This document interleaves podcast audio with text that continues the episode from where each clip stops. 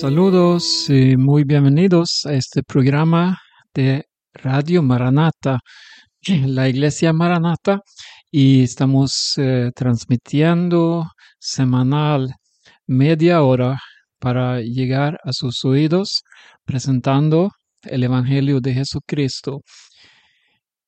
No somos los primeros de presentar el Evangelio, sino vamos a leer algo hoy en día de los primeros testigos, los primeros predicadores que encontramos en la Biblia del tiempo de la iglesia primitiva. Y vamos a ver algo muy notable ahí, algo grande, que también es algo que nos toca a nosotros. Yo quisiera iniciar este programa con una lectura de la primera epístola del apóstol San Juan y del primer capítulo. Aquí vamos a leer de un testigo ocular, alguien que de verdad veía y sabía de lo que hablaba, de lo que daba su testimonio. Leemos, lo que era desde el principio, lo que hemos oído, lo que hemos visto con nuestros ojos, lo que hemos contemplado y palparon nuestras manos tocante al verbo de vida, porque la vida fue manifestada, y la hemos visto, y testificamos y os anunciamos la vida eterna, la cual estaba con el Padre y se nos manifestó. Lo que hemos visto y oído, eso os anunciamos, para que también vosotros tengáis comunión con nosotros. Y nuestra comunión verdaderamente es con el Padre y con su Hijo Jesucristo. Estas cosas os escribimos para que vuestro gozo sea cumplido.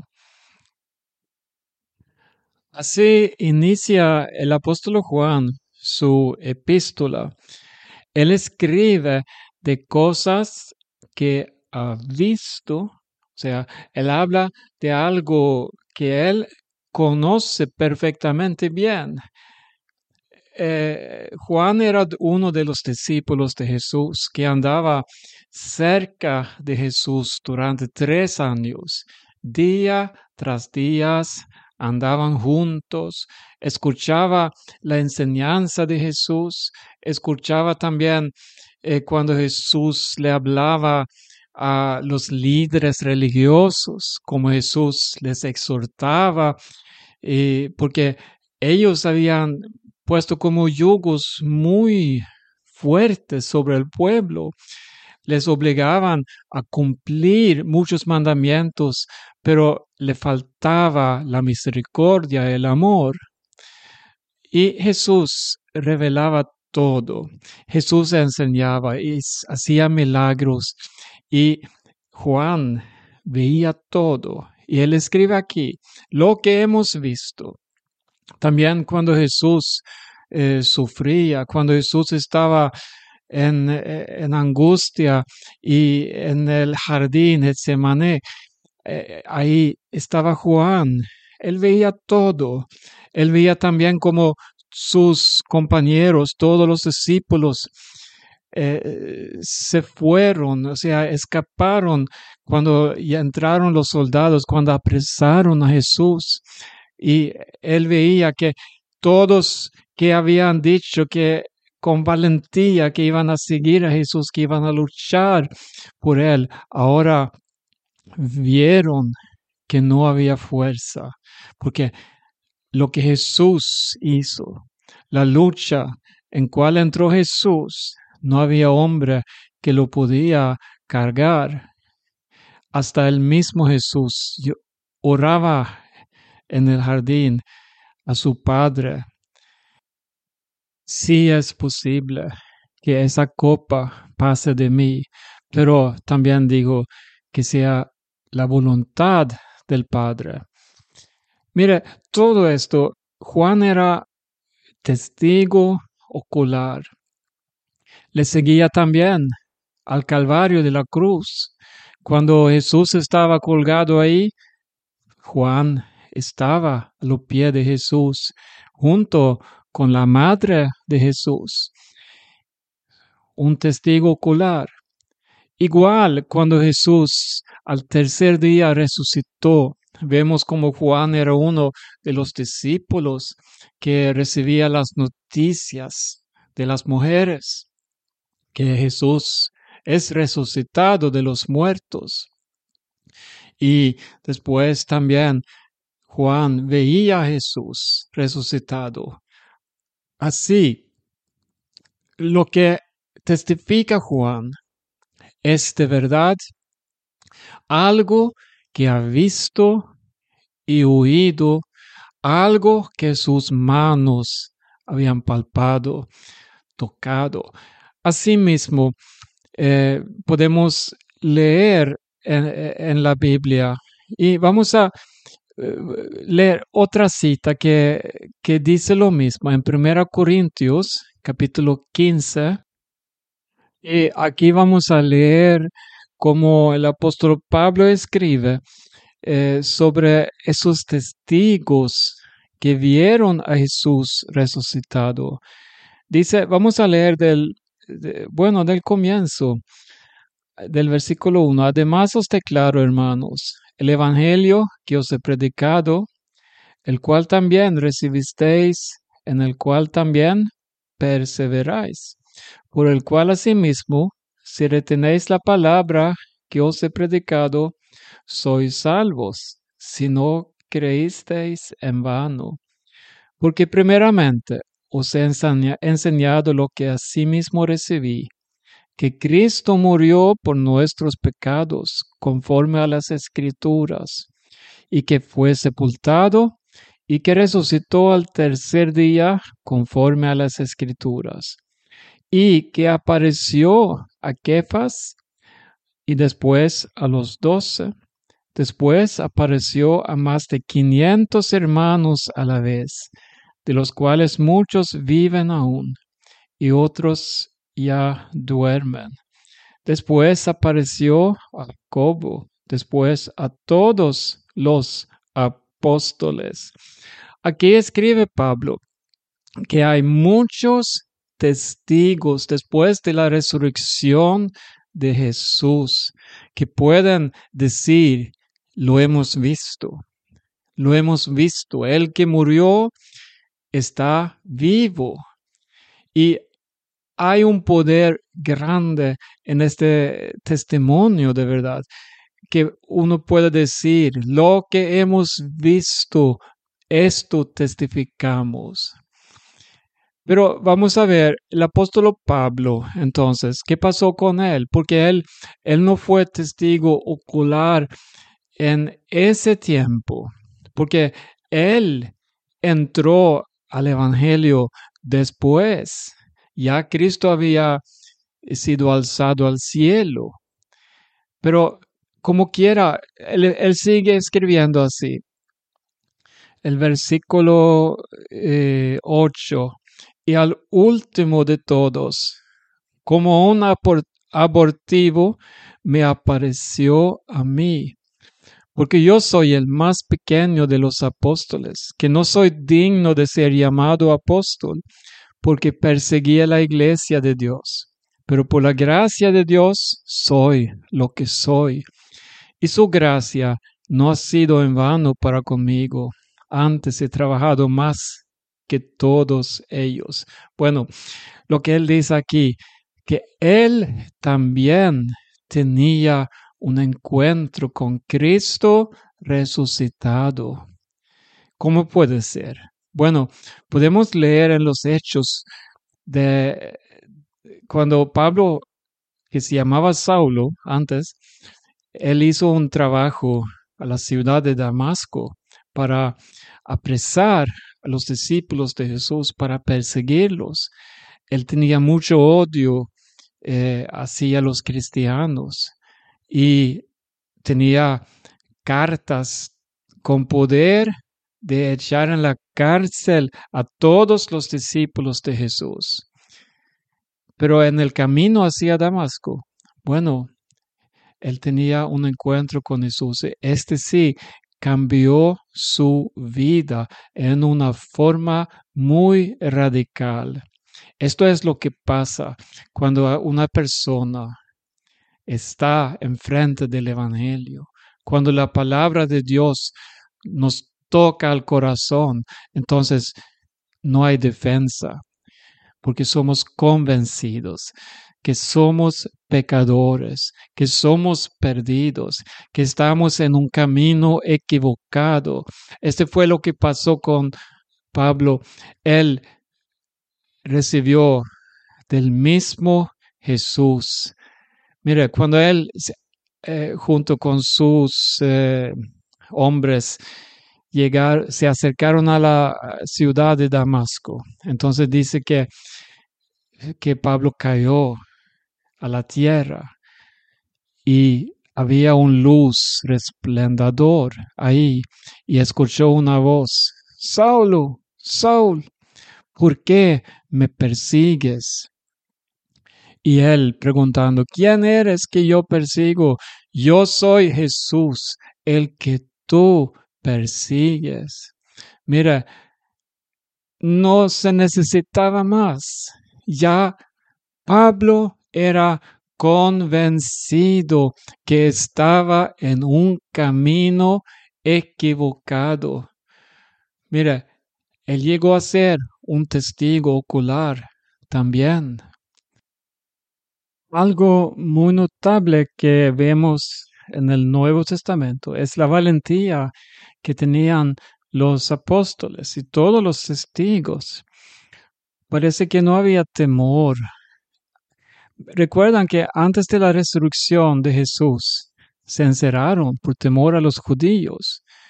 Ellos temieron por su vida, pero después de ser lleno del Espíritu Santo, vemos como ellos salen a predicar y salen a llevar el Evangelio sin temor y con mucha valentía. Eh, vamos a leer algo ahora en los Hechos capítulo 4. Aquí Pedro y Juan están encarcelados ante el concilio. Ahí están los sacerdotes, el jefe de la guardia del templo, los saduceos, y ellos estaban muy molestos porque enseñaban al pueblo en el nombre de Jesús. Entonces, eh, em, les prohibieron hacerlo. Eh, vamos a leer del versículo 13. Estamos en el capítulo 4 de los Hechos. Entonces, viendo el denuedo de Pedro y de Juan y sabiendo que eran hombres sin letras y del vulgo, se maravillaban y les reconocían que habían estado con Jesús. Y viendo al hombre que había sido sanado, que estaba en pie con ellos, no podían decir nada en contra.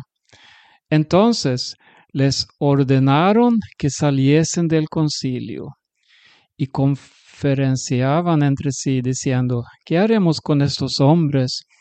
Porque de cierto, señal manifiesta ha sido hecha por ellas, ellos, notoria a todos los que moran en Jerusalén, y no le podemos negar. Sin embargo, para que no se divulgue más entre el pueblo, amenacémosles, para que no hablen de aquí en adelante a hombre alguno en este nombre. Mira, eh, estamos hablando de ser testigo ocular y aquí dicen también sobre ellos que no, primero no les reconocieron, pero después se recordaron que habían estado con Jesús. Ahí está el secreto. Este es la llave de verdad para tener un testimonio con valentía. Esto es tener una relación personal con Jesús. Este nos hace vencedores, de verdad. Y ahora quieren prohibirles a hablar en el nombre de Jesús. Y dice en el versículo 18, llamándolos, les intimaron que en ninguna manera hablasen ni enseñasen en el nombre de Jesús. Orden directa, ¿verdad?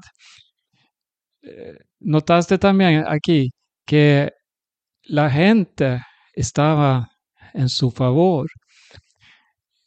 Eh, la gente también era testigo ocular porque vieron cosas que no tenían explicación, vieron milagros, vieron cómo el Evangelio tiene poder y el Evangelio es poder de Dios. Entonces vemos como eh, todo lo que viene de Dios, todo lo que sale de Dios hacia nosotros, eh, nos transforma, nos cambia, nos hace diferente.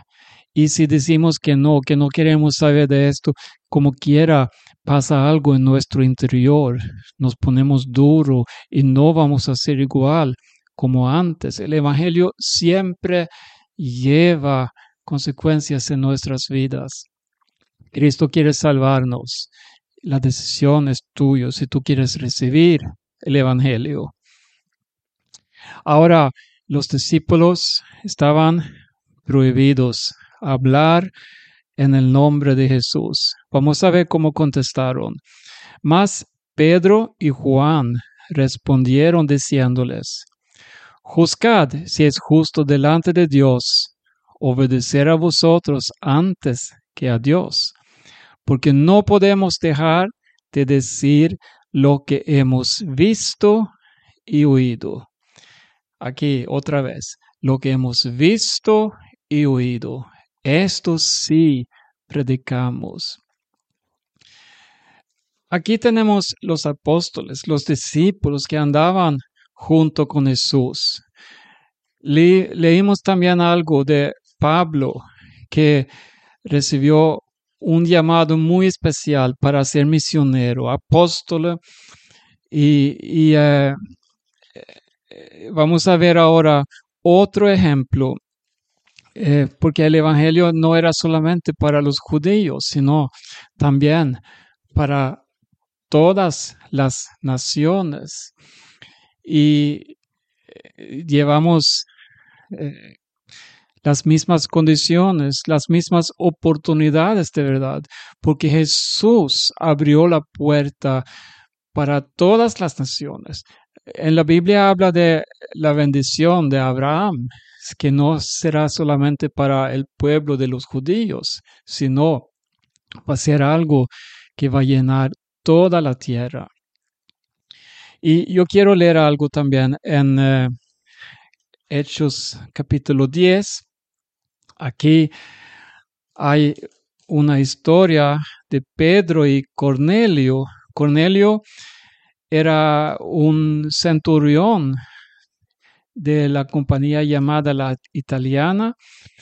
Él no era judío, sino un impío, como decimos, pero él era piadoso y temeroso de Dios con todo, toda su casa y también hacía muchas limosnas al pueblo. Y dice aquí que oraba a Dios siempre. Él buscaba de Dios, él buscaba su rostro. Y Dios escuchó sus oraciones.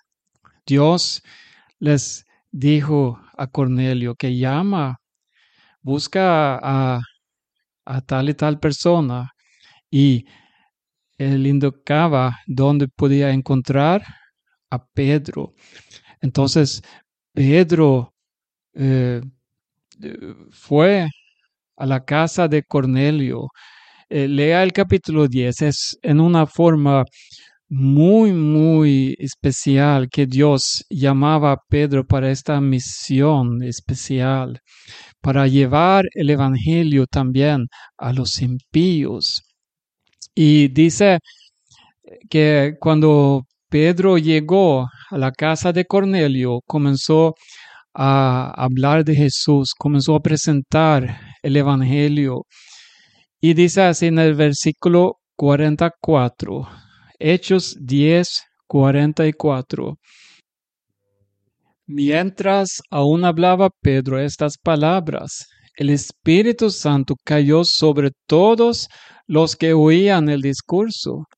Y los fieles de la circuncisión que habían venido con Pedro se quedaron atónitos de que también sobre los gentiles se derramase el don del Espíritu Santo, porque los oían que hablaban en lenguas y que magnificaban a Dios. Entonces respondió Pedro, ¿Puede acaso alguno impedir el agua para que no sean bautizados estos que han recibido el Espíritu Santo también como nosotros? Y mandó bautizarles en el nombre del Señor Jesús. Entonces le rogaron que se quedase por algunos días. Aquí vemos eh, algo maravilloso de verdad. Los impíos reciben por primera vez el Evangelio. ¿Y qué pasa? Mira, el mismo Señor se revela por ellos. Reciben el Espíritu Santo. Son bautizados en el Espíritu. Y esta es una llave de verdad. Lo vemos en el comienzo de los hechos, que Jesús dijo a los apóstoles que quédense en Jerusalén, esperen ahí la promesa recibirán poder cuando llega sobre ustedes el Espíritu Santo y serán mis testigos.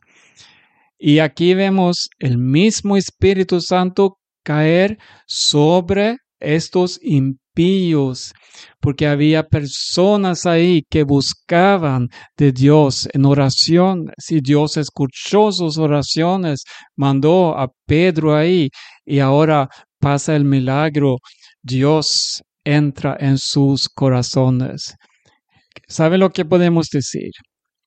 Estos impíos, Cornelio y su casa, también llegaron a ser testigos oculares, porque yo creo que fue algo muy real que pasó en sus vidas. Y así podemos seguir después leyendo la historia de la Biblia, el Nuevo Testamento, todas las conversaciones, eh, en, en, los hechos hay muchos ejemplos de esto. También podemos seguir leyendo las epístolas y podemos seguir estudiando la historia de la iglesia, cómo el Evangelio transforma. Podemos eh, seguir a leer cómo el Evangelio entra en países donde hay persecución, donde, donde no se puede ser cristiano sin ser perseguido. Así era para eh, los apóstoles. Todos fueron mártires, murieron por espadas o, otros eh, castigos de las autoridades. Así. Pero mira, este no es ningún obstáculo para que eh, el Evangelio siga eh, dándose en todo el mundo. Mire los países China, Irán, Afganistán y muchos otros países donde no permiten que se predique el Evangelio. ¿Dónde es que se convierten más personas a Cristo? Bueno, es en estos países, porque ahí se da cuenta que el Evangelio no es un juego, no es algo que tú recibes hoy y mañana es como una tradición nada más. No, no, es algo real que pasa en tu vida, porque Cristo entra y te hace una nueva creación. Él borra tus pecados. Él quita el yugo del pecado y te da una vida totalmente nueva. Para concluir este mensaje de hoy, el Evangelio es poder de Dios. Nunca deja que el Evangelio llegue a ser solamente una tradición en tu vida, una confesión de tu boca, una tradición para ir a la iglesia semanal los domingos o eh, la tradición que te ha formado, no, deja que el mismo Señor Jesucristo forma parte de tu tiempo, de tu vida, de tus oraciones y que haya esta esperanza en tu vida, porque si falta la esperanza de su venida, entonces todo va a ser muy aburrido, muy triste. Pero si tienes una meta, entonces este va a formar también tu vida. Eh, dice la Biblia muchas veces que Cristo volverá pronto. Él vendrá en las nubes para buscar a su iglesia. Él vendrá para todos los que aman su venida. Aquí se habla de amor, no se habla de doctrina, porque yo sé que hay muchas doctrinas diferentes sobre la venida de Jesús en cuanto si va a venir eh, temprano o más tarde, antes o después de la tribulación y todo esto. Mire, no me meto eh, eh, en, este problema que muchas personas tienen. La Biblia dice, escuchen ahora, la Biblia dice que Él vendrá pronto y que debemos vivir nosotros como si fuera el último día. Debemos vivir en esta esperanza que Cristo volverá y el que esté preparado se irá con él. Y luego va a pasar también algo maravilloso, porque Cristo también regresará a esta tierra pero dice junto con los santos, junto con la iglesia. Volverá aquí y Él va a reinar en justicia. Ya no habrá llantos ni lágrimas, ya no habrá injusticia, ya no habrá guerras ni hambre. Y Cristo es el garante de todo esto. Bueno, voy a terminar aquí estoy entrando en un tema muy amplio y con mucha esperanza, pero eh, la Biblia dice, Cristo volverá pronto. Ven, Señor Jesús, Maranata. Hasta aquí mis palabras. Mi nombre es Berno Vidén, soy de la iglesia Maranata. Este es Radio Maranata. Estamos transmitiendo en esta misma hora semanal. Hay una página donde muchos programas están publicados, maranata.do. Entonces, Dios les bendiga a todos. Amén.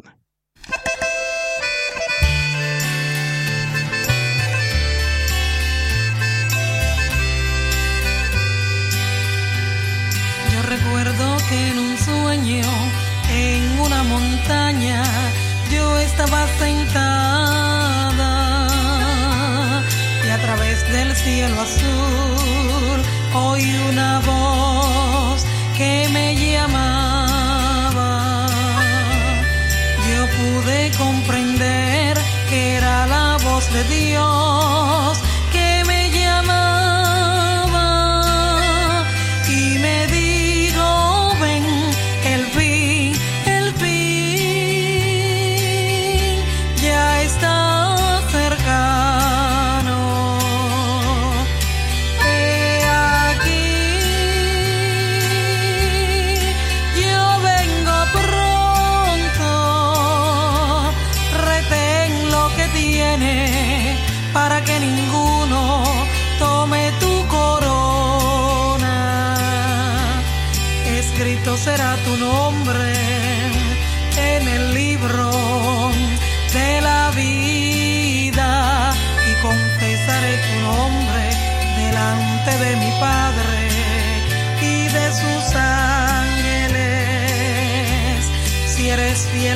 la muerte, te daré la corona.